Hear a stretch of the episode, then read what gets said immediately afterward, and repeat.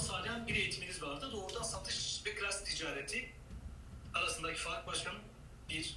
İkincisi ise biz diğer gruplarla network marketing yapanlar arasındaki fark şu anda da bizi izleyen, benim gibi işletmesi olan, ithalat, ihracat yapan veya iş adamı olan insanlara neden doğrudan satış sektöründe olmalılar? Şimdi ben de o zaman bir tekrarlayayım. Ses kaydında o zaman net bir şekilde şey olsun. Şimdi e, size burada ilk olarak e, doğrudan satış işiyle klasik ticaretin arasındaki farkı anlatmaya çalışayım. Şimdi dediğiniz gibi sizde biz 2006 yılından beri tanışıyoruz. 2006 yılında da aslında ben sahneye çıktığımda insanlara doğrudan satışı anlatırken içeride biliyorsunuz birçok profil var. Bu profillerin karma olarak geldiğini biliyorsunuz ama oranlamayı bilmiyorsunuz. Bugün sizler de şu anda yayını dinleyen arkadaşlarımız da eskiden biliyorsunuz dijitalden önce fiziksel otellerde bu seminerleri yapardık veya e, gücünüz otel semineri yapmaya yetmiyorsa bir doğrudan satıcıysanız bu e, iş tanıtım toplantısı diyelim bunun adına seminere. Yani yeni bir adaya elinizdeki doğrudan satış işini anlatacaksınız. Bunu bazen otelde anlatabiliyorsunuz, otelin konferans salonunda. Bazen evinizde anlatabiliyorsunuz. Bazen de bir pastanenin bir katını tutuyorsunuz. Oraya misafiriniz 10 kişi ise 15 kişi ise onları davet ediyorsunuz ve orada elinizdeki iş fırsatını, doğrudan satış fırsatını anlatmaya kalkıyorsunuz. Şimdi sektörde aslında yapılan en büyük hatalardan birisi şuydu. Ee, kaç yılına kadar diyeyim? Ben 2006 e, yılında size yaptığım o sunum tarzını yapmaya başlayana kadar öyle bir sunum tarzı aslında Türkiye'de yoktu. Tabii ki bu sunum tarzı dediğim uygulamayı da ben icat etmedim. Ben de sonuçta dünyayı takip ediyorum. 2005 yılında e, Amerika farklı bir şekilde yani doğrudan satışın ana vatanı bu işin doğduğu yer 2005 yılına kadar e, farklı bir yöntemle ellerindeki iş fırsatını insanlara sunuyorlardı. 2005 yılı itibariyle sunum şeklini değiştirmeye başladılar. Neden sunum şeklini değiştirmeye başladılar? Çünkü her şey diyor yerini yeni bir şeye bırakır.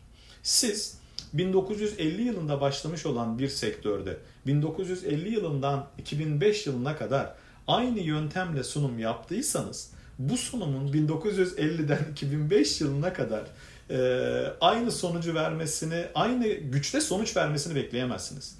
Tabii ki 1950 yılından 2005 yılına kadar da doğrudan satışın sunum şekli, insanlara anlatılış şekli, aynı şeyi farklı formatta anlat, anlatmışlardır. Fakat o dönemlere ben yetişemediğim için ben 2001 yılında doğrudan satışla tanıştım ve 2001 yılından itibaren Türkiye ve dünyayı takip etmeye başladım. 2001 yılında Türkiye'de e, ilk başladığımda şu anlatılıyordu. Yani karşınıza yeni bir aday aldığınızda bu iş adamı olabilir, bu ev hanımı olabilir, bu herhangi bir kurumsal firmada veya bir devlet kurumunda maaşlı çalışan bir aday olabilir ya da batmış bir iş adamı olabilir ya da kazanan bir iş adamı olabilir ya da işten çıkarılmış bir çalışan bir aday olabilir fark etmiyor. Karşınıza bir aday aldığınızda 2001 yılında benim karşılaştığım ilk sunumda şuydu. Bana da aynısını yaptılar çünkü. Önce şirketi anlatıyorlardı. Ardından ham maddeyi anlatıyorlardı. O ham maddeden üretilen ürünleri anlatıyorlardı. En son olarak kazanç planını anlatıp günün sonunda haydi işte ben açtım, sefildim, şimdi zengin oldum, hayatım değişti, ya ya yaşa yaşa sen de aramıza gel.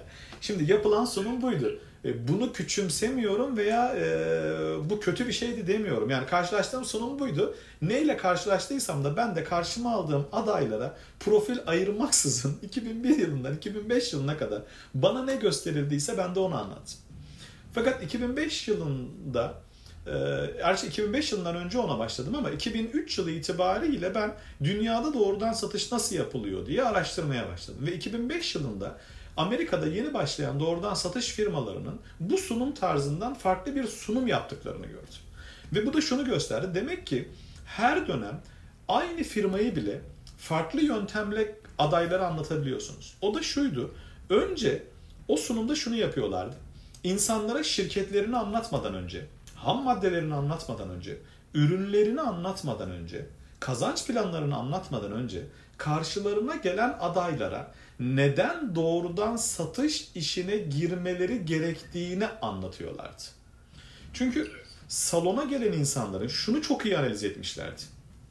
salona gelen siz de şunu artık görebilirsiniz. Ne olur beni dinleyen bütün doğrudan satıcılara ve kendi firmamızdaki bütün ekip arkadaşlarıma söylüyorum. Karşınıza bir aday geldiğinde bu karşınıza gelen aday zaten öyle ya da böyle sizinle ya telefonda konuşurken bu işin bir satış ya da doğrudan satış işi olduğunu ona bir ürün satmaya kalkacağınızı ya da bir iş teklif edeceğinizi yani bir doğrudan satış işi teklif edeceğinizi 3 aşağı 5 yukarı telefonda anlıyor.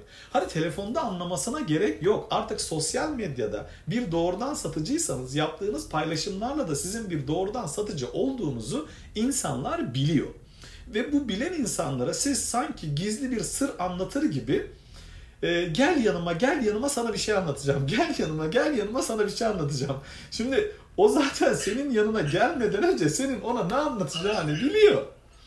O yüzden e, hatta ne anlatacağını bilmedi diyelim. Bu çok düşük bir ihtimal. Yani milyonda bir ihtimal. Artık bugün için söylüyorum. Bundan çok uzun yıllar önce insanlar ne anlatacağınızı onlara doğrudan satış işi mi yoksa bir başka bir fırsat mı sunacağınızı bilmiyordu. Çünkü doğrudan satış bu kadar yaygın değildi. Ama bugün doğrudan satış işi karşılaşacağınız her aday ama istisnasız her aday ya doğrudan satış işini duymuştur ya herhangi bir doğrudan satış firmasından ürün alışverişi yapmıştır ya da bir doğrudan satış firmasında temsilcidir ya da bir doğrudan satış firmasında düzenli bir müşteridir ya da doğrudan satış firmasına bulaşmıştır ve bir daha bulaşmak istemiyordur. Yani olası bütün olasılıklar yaşanmıştır neredeyse.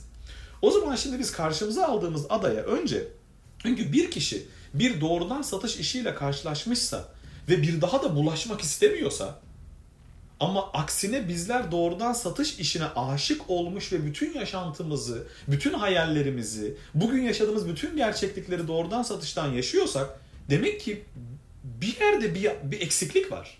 Bizler bu kadar bu sektörün içerisindeyken bir iş adamı bu işi artık kendi fabrikalarını bir tarafa bırakıp sadece doğrudan satışına fokuslanmışken bir iş kadını bırakın evdeki mutfak harçlığını kazanmayı bu işten evini alabiliyorsa, arabasını alabiliyorsa, çocuklarına iyi eğitim imkanları sunabiliyorsa yetmedi bazı iş kadınlarımız iş hanımıyken bakın iş kadınlarımız oldular artık. İş hanımlığından değil özür diliyorum ev hanımlığından iş kadınlığına geçip eşlerinin bile arabalarını doğrudan satıştan kazandıkları parayla eşlerine, kocalarına araba alabiliyorlarsa ama başka bir tarafta birisi doğrudan satış işimi aman aman beni bulaştırmayın diyorsa sizin bir adayla karşılaştığınızda yapmanız gereken ilk eylem şirketinizi anlatmak değil. Ham maddenizi anlatmak değil. Ürününüzü anlatmak değil. Firmanıza olan aşkınızı anlatmak değil ve kazanç planı muhteşem gel bizim firmamıza demeniz değil.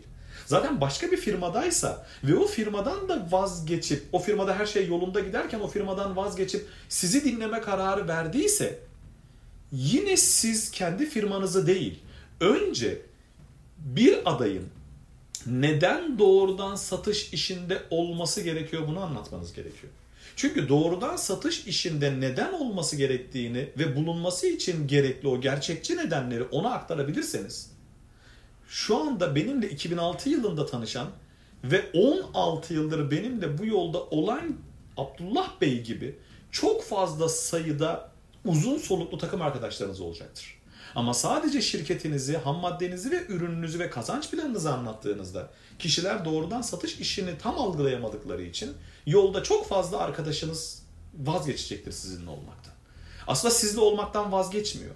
O yolu tam anlayam anlayamadığı için yoldan vazgeçiyor. E yoldan vazgeçmesi demek zaten sizin takım arkadaşlarınızdan da vazgeçmesi demek. Ama bu demek değildir ki başlayan bütün takım arkadaşlarınız ömrünüzün sonuna kadar sizin olacak. Hayır. Ama önemli olan detay da şu.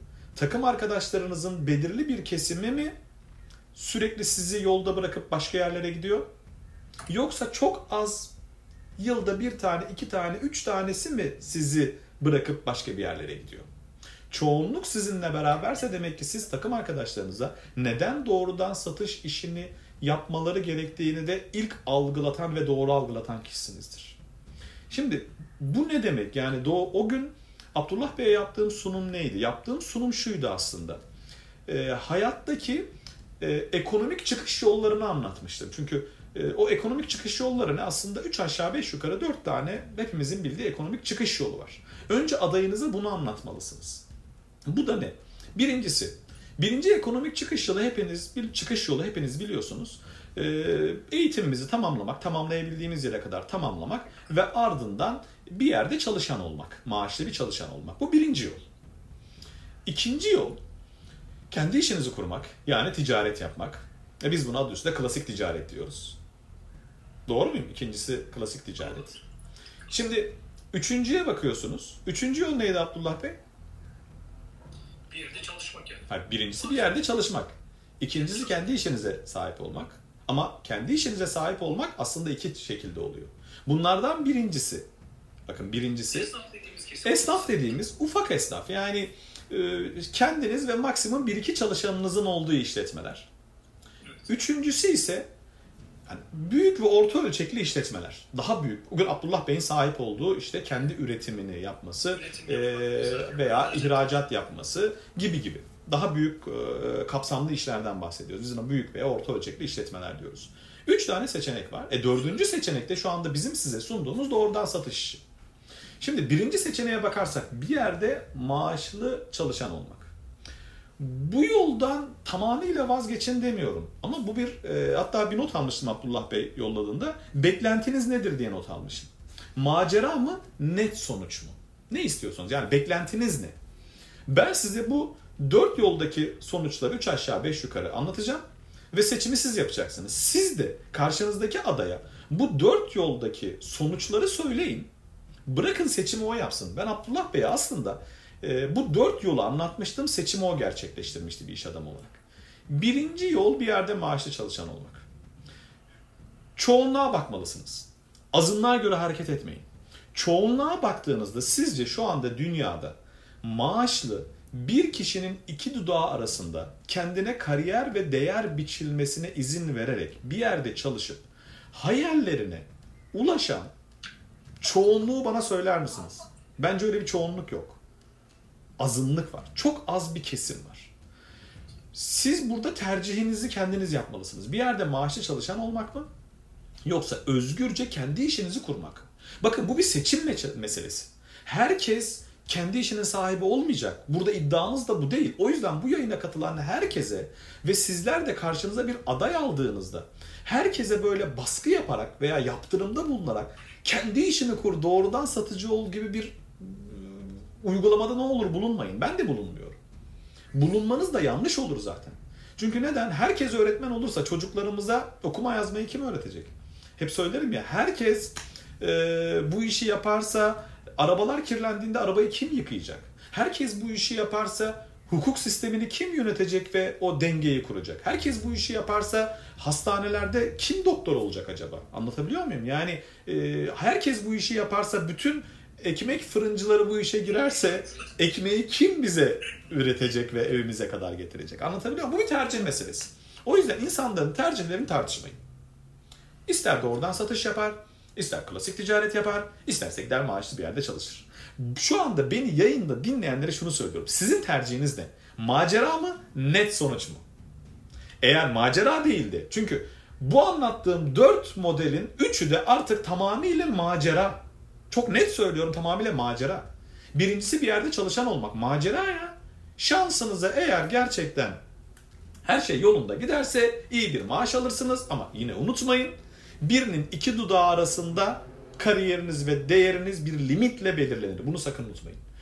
Özgürce uyuyamazsınız istediğiniz saatte, özgürce uyanamazsınız istediğiniz saatte, yılda istediğiniz kadar tatil yapamazsınız. İşletme sahibi ne kadar izin verirse o kadar tatil yaparsınız. Dünyayı istediğiniz zaman gezemezsiniz. İşletme sahibinin verdiği maaş ne kadar yetiyorsa o kadar gezersiniz. Bunu sakın unutmayın. O yüzden macera mı? Net sonuç mu? Bunu sakın ha sakın unutmayın. Eğer net sonuç istiyorsanız izlemeniz gereken farklı yollara maalesef kulağınızı kabartmanız gerekiyor. Birinci seçeneği fazla anlatmaya gerek yok. Her şey limitli. Ve her şey birinin iki dudağı arasında. Zamanınız da birinin iki dudağı arasında. geliriniz de birinin iki dudağı arasında. Ya bana ne ya bana bu yeter diyorsanız saygı diyorum. Ama ben ve şu anda yayında olan 2800 kişinin 2888 kişinin neredeyse biliyorum ki %90'ı şunu diyor. Ben istediğim saat uyanmak istiyorum, istediğim saat uyumak istiyorum, özgürce ülkemi ve dünyayı gezmek istiyorum ve dünyaya bir kez geliyorum. ve bir kez geliyorsam da bunları özgürce yaşamak istiyorum. O yüzden ha nasip yaşarız veya yaşamayız. Ama en azından benim kararım buydu. Dünyaya bir kez geliyorsun Hasan dedim. Bakın diyorum ya nasip bir kez geliyorsun tercihim buydu. O yüzden dünyaya bir kez geldiğiniz bu yolculukta tercihi bile kendiniz yapamıyorsanız bence hani neden doğrudan satış diyorlar ya tercihi kendiniz yapın. Bu tarz cümleler belki aynı cümleyi kurmasam da Abdullah Bey o gün toplantıdayken bu tarz cümleler kurmuştu ve insanlara siz önce bu tarz cümleler kurduğunuzda karşıdakinin bir beyninin aydınlanmasını bence sağlarsınız. Bir, bir aydınlanır yani. Ya gerçekten ya adam doğru söylüyor veya kadın doğru söylüyor. Ben ne yapıyorum ya? Ee, bir, bir durayım kendimi bir dinleyeyim ve bir karar vereyim der. Ha, bir kesim bunu söyler. Salonda tek Abdullah Bey yoktu ki. Bir sürü insan vardı. Ama Abdullah Bey durdu ve kendisiyle karşı karşıya kalıp kendine sorup kendine cevapladı. Evet ya ben ne yapıyorum dedi. İkinci yol neydi? Ufak bir işletme açmak.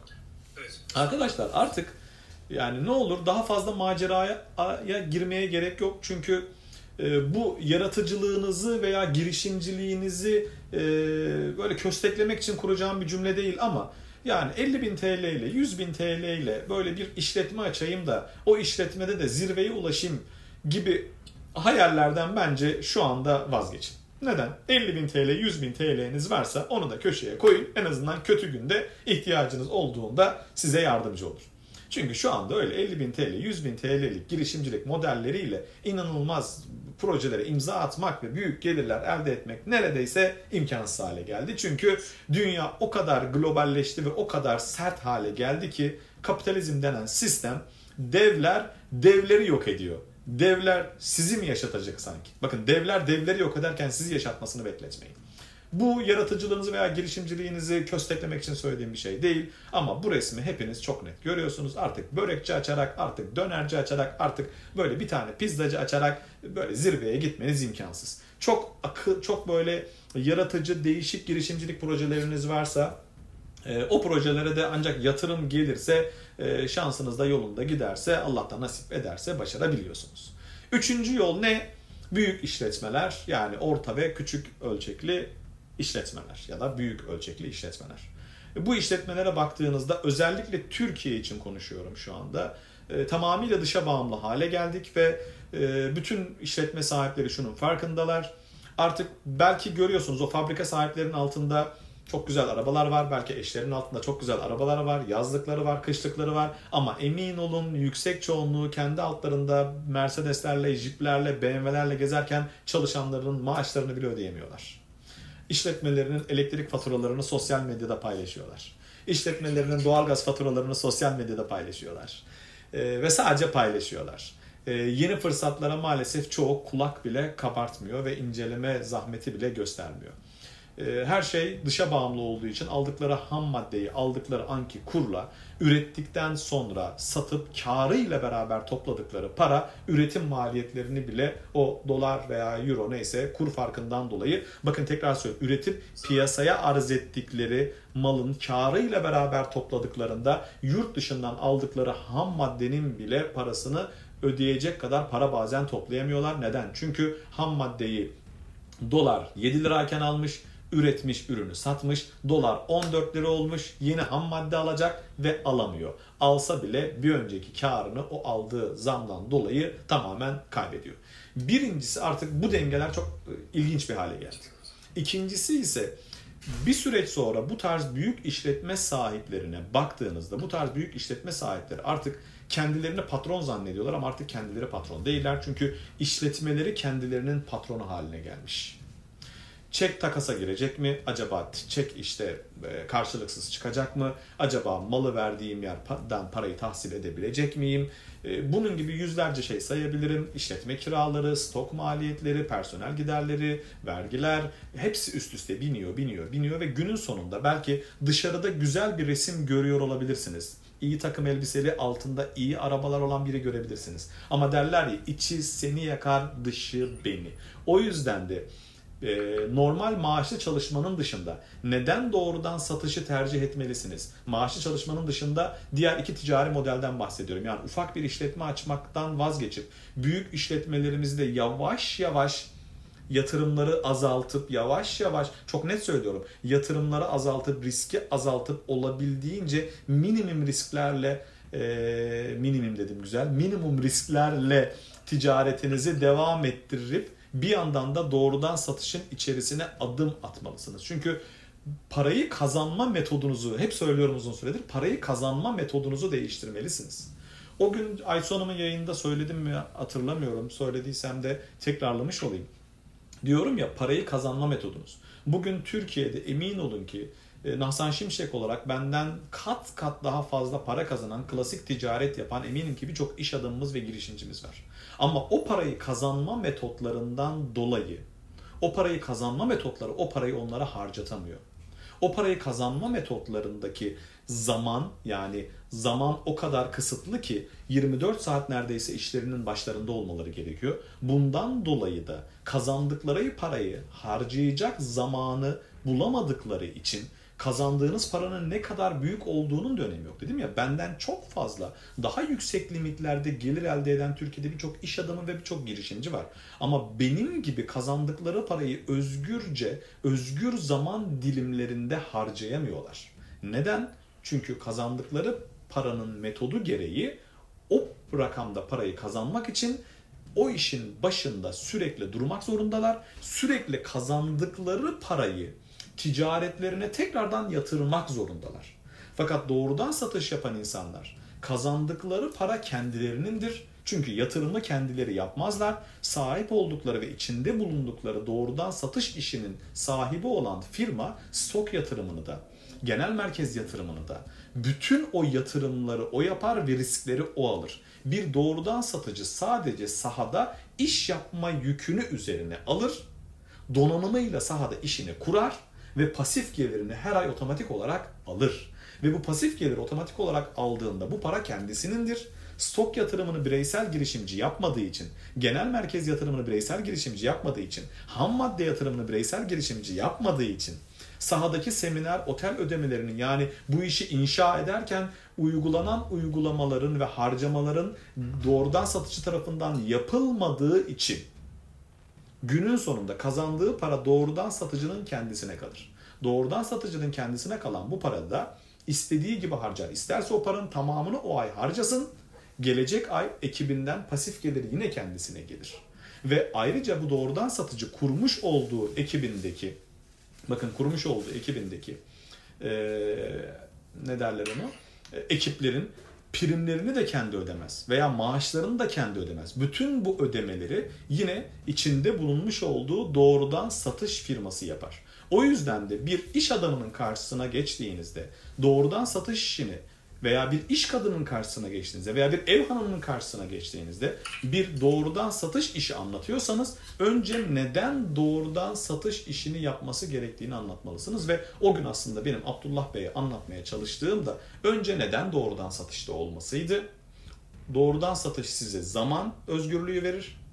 O zamanda kazandığınız parayı özgürce finansal yatırım riskleri ve işletme giderleri sizin hem yatırım hem stok hem de işletme giderleri doğrudan satıcı tarafından ödenmediği için bu finansal riskler de ortadan kalktığı için doğrudan satıcı risksiz, macera yaşamadan sadece kendi donanımıyla sahada kendisine iş kurar. Ama siz klasik ticarette hem bu stok yatırımlarını hem işletme giderlerini hem iş kurma maliyetlerini yapacaktınız üzerine ortaya donanımınızla performans koyacaktınız ve böyle bir gelir elde edecektiniz günün sonunda. Ve düşünsenize bunları yaparken harcadığınız zaman da zaten o parayı kazansanız da harcayacak. Bakın para kazansanız bile klasik ticaret ederseniz bunları yaparken harcadığınız, organizasyona ayırdığınız zaman, planlamaya ayırdığınız zaman, harcamaya ayırdığınız zaman bu parayı harcamanıza izin vermeyecekti maalesef. Kim harcayacaktı? Eşiniz harcar, çocuklarınız harcar. Siz de günün sonunda zenginim diye oturur, herkese anlatır dururdunuz. Bunu böyle cevaplamış. Evet.